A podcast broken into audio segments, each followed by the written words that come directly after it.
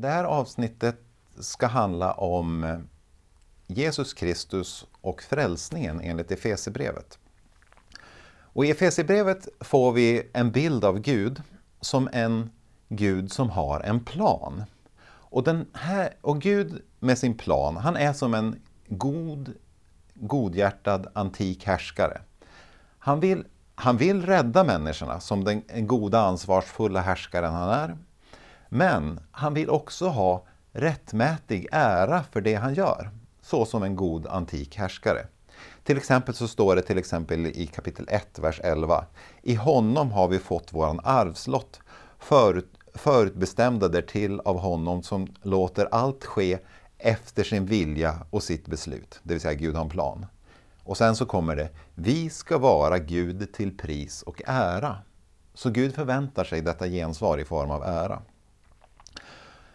Och det här är ingenting konstigt i antiken, att tänka sig att den som är över en, Gud, ska ha sin rättmätiga ära. Men det kan man ju tänka sig att många idag som lever i församlingar med kanske lite mer demokratiska och jämlika ideal, vi, vi gillar ju kanske inte så mycket hierarkiska relationer oss människor emellan.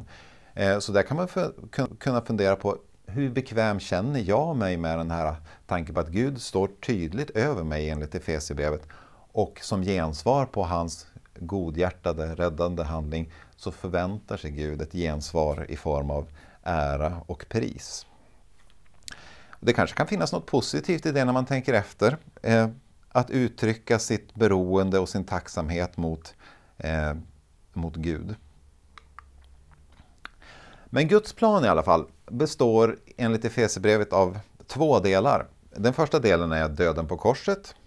Och den andra delen som kanske är lite speciellt för eh, eh, Efesierbrevet som betonas särskilt det är att Kristus sätts på tronen som en kosmisk härskare. Men om vi börjar med den här eh, första delen, det Jesus gjorde på korset, så blir det tydligast i kapitel 2. Det sägs i början av kapitel 2 att ni var döda genom era överträdelser och synder den gång ni levde i dem på denna tidens och världens vis och lät er ledas av försten över luftens rike. Så det finns ett tydligt då. Eh, en situation där de var i, i, helt enkelt ett väldigt dåligt tillstånd i att de var döda genom sina överträdelser och synder. Men så läser vi vidare i kapitel 2 och till exempel i vers 13 och framåt så står det att men nu, tack vare Kristus Jesus, har ni som en gång var långt borta kommit nära genom Kristi blod. Han är vår fred. Han har med sitt liv på jorden gjort de två lägren till ett och rivit skiljemuren, fiendskapet. Han har upphävt lagen med dess bud och stadgar för att i sin person skapa en enda människa av de två, en ny människa, och så stifta fred. I en enda kropp försonade han de båda med Gud genom korset, då han i sin person dödade fiendskapen. Det som är lite intressant för oss, tror jag, med Efesierbrevets betoning på vad Jesus gjorde på korset är att det finns en särskild betoning på en kollektiv nivå. Det är inte individer som räddas i första hand, utan fokus här är på Israels folk och hedningarna. De två som har varit fiender blir ett genom det Jesus gör på korset. Och det som händer är att de andra folken de inkluderas i förbundet, som det står i vers 9, 19 menar jag. Ni är alltså inte längre gäster och främlingar utan äger samma medborgarskap som de heliga.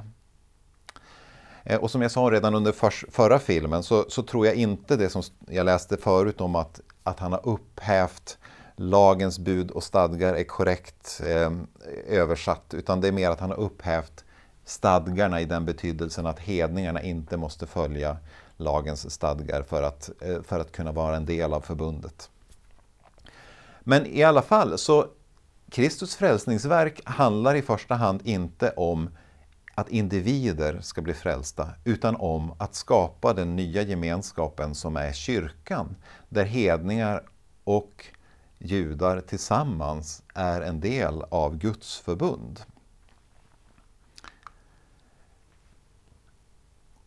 Om vi går vidare till den andra delen, som kanske är det som är lite mer speciellt för Efesierbrevet, Kristus som kosmisk härskare, så, så finns det vissa vissa antydningar till det tidigare redan i första Korinthierbrevet.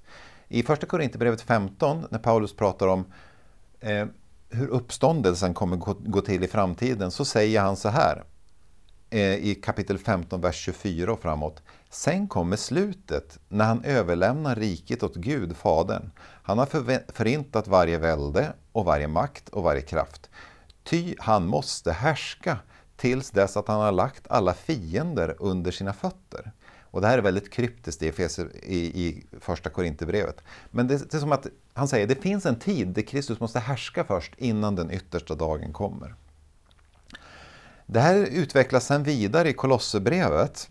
Eh, och, och i Kolosserbrevet står i kapitel 1, vers 15 och framåt att han är den osynlige Gudens avbild, den förstfödde i hela skapelsen.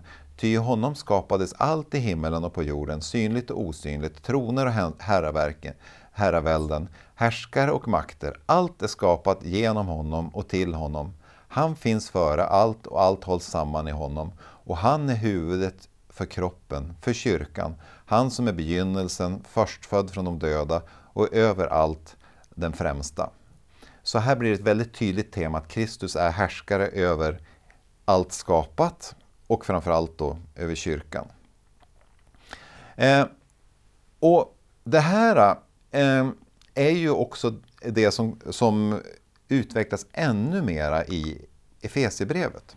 För att i Efesierbrevet så får vi veta redan under den första bönen i kapitel 1, vers 20 att Gud lät eh, verka i Kristus. Eh, eh, att det, nu måste jag se här. Eh, just det. Det har, det har blivit lite fel här. Jo, eh, jo, det står så här i kapitel 1, vers 19 och framåt. Att hur väldig är hans styrka för oss som tror? Samma oerhörd kraft, oerhörda kraft som han med sin makt lät verka i Kristus när han uppväckte honom från de döda och satte honom på sin högra sida i himlen, högt över alla härskare och makter och krafter och herravälden, över alla namn som finns att nämnas, såväl i denna tiden som i den kommande. Allt la han under hans fötter, och honom som är huvudet över allting gjorde han till huvud för kyrkan, som är hans kropp, fullheten av honom som helt fyller allt. Så det är inte bara det Jesus gör på korset som är viktigt, utan att också att Gud sätter honom som härskare över hela kosmos, som är en viktig del av frälsningsplanen. Och varför är det då viktigt? Eh, jo, därför att, det får vi veta i kapitel 2. Där står det så här att, att Gud har uppväckt oss med honom och gett oss en plats i himmelen. Det vill säga, kyrkans plats i universum är att vara de som är uppväckta och har en plats i himmelen hos Jesus Kristus, där han, där han sitter på tronen helt enkelt. Och det här är skrivet på grekiskan på ett sådant sätt så att det är någonting som redan har hänt. Redan här i livet är vi i princip i himmelen. Det brukar kallas för realiserad eskatologi med teologiskt språk, det vill säga frälsningen har i princip redan skett. Och så fortsätter han lite, ett par verser senare. Av nåd är ni frälsta. Och så ytterligare lite senare. Vi är hans verk, skapade genom Jesus Kristus till att göra de goda gärningar som Gud har bestämt oss till. Och även här är det uttryckt som någonting som redan har hänt. Det är en förvandling, en nyskapelse som redan har hänt tack vare att Kristus sitter som härskare över universum och kyrkan i princip har en plats i himlen hos Kristus redan här och nu. Och så får vi veta ännu mer i kapitel 3 och det här är, är den kanske mest kryptiska och spännande delen av det hela. Därför att Paulus nämner då lite i förbigående att nu skulle härskarna och makterna i himlarymderna genom kyrkan få kunskap om Guds vishet i hela dess mångfald. Detta var en avsikt med världen som man förverkligade eh, eh, i, i, i och med Kristus Jesus, vår Herre. Men konstaterar här att nu skulle härskarna och makterna i himlen och rymderna genom kyrkan få kunskap om Guds vishet. Så på något sätt är kyrkans roll i världen att visa hela världen, inklusive de härskarna och makterna, vad Guds vishet är. Eh, och det här ska vi fördjupa senare under ett senare avsnitt. Eh, men, men det jag ville säga idag var eh, i alla fall att, att frälsningen enligt Efesierbrevet har de, båda de här delarna. Dels det Jesus gjorde på korset, då förenade han de två till ett. Men dels det Jesus gör i nuet när han härskar över hela universum och där kyrkan får vara en del av detta härskande genom att visa hela världen eh, på Guds vishet. Det här kan ju kännas lite ovant för nutida kristna såklart. Eh, både det här med att försoningen handlar inte bara om, om jag och Gud utan det handlar om försoning mellan etniska grupper. Det kan också kännas lite ovant det här med att det är vi, de som inte är judarna, som ska inkluderas i förbundet. Ehm, det kan också kännas lite ovant att tala om frälsningen som någonting som i princip redan har skett fastän att eh, in, vi, vi, lever ju fortfarande här på jorden här och nu. Och att det är en förvandling som i princip redan har skett.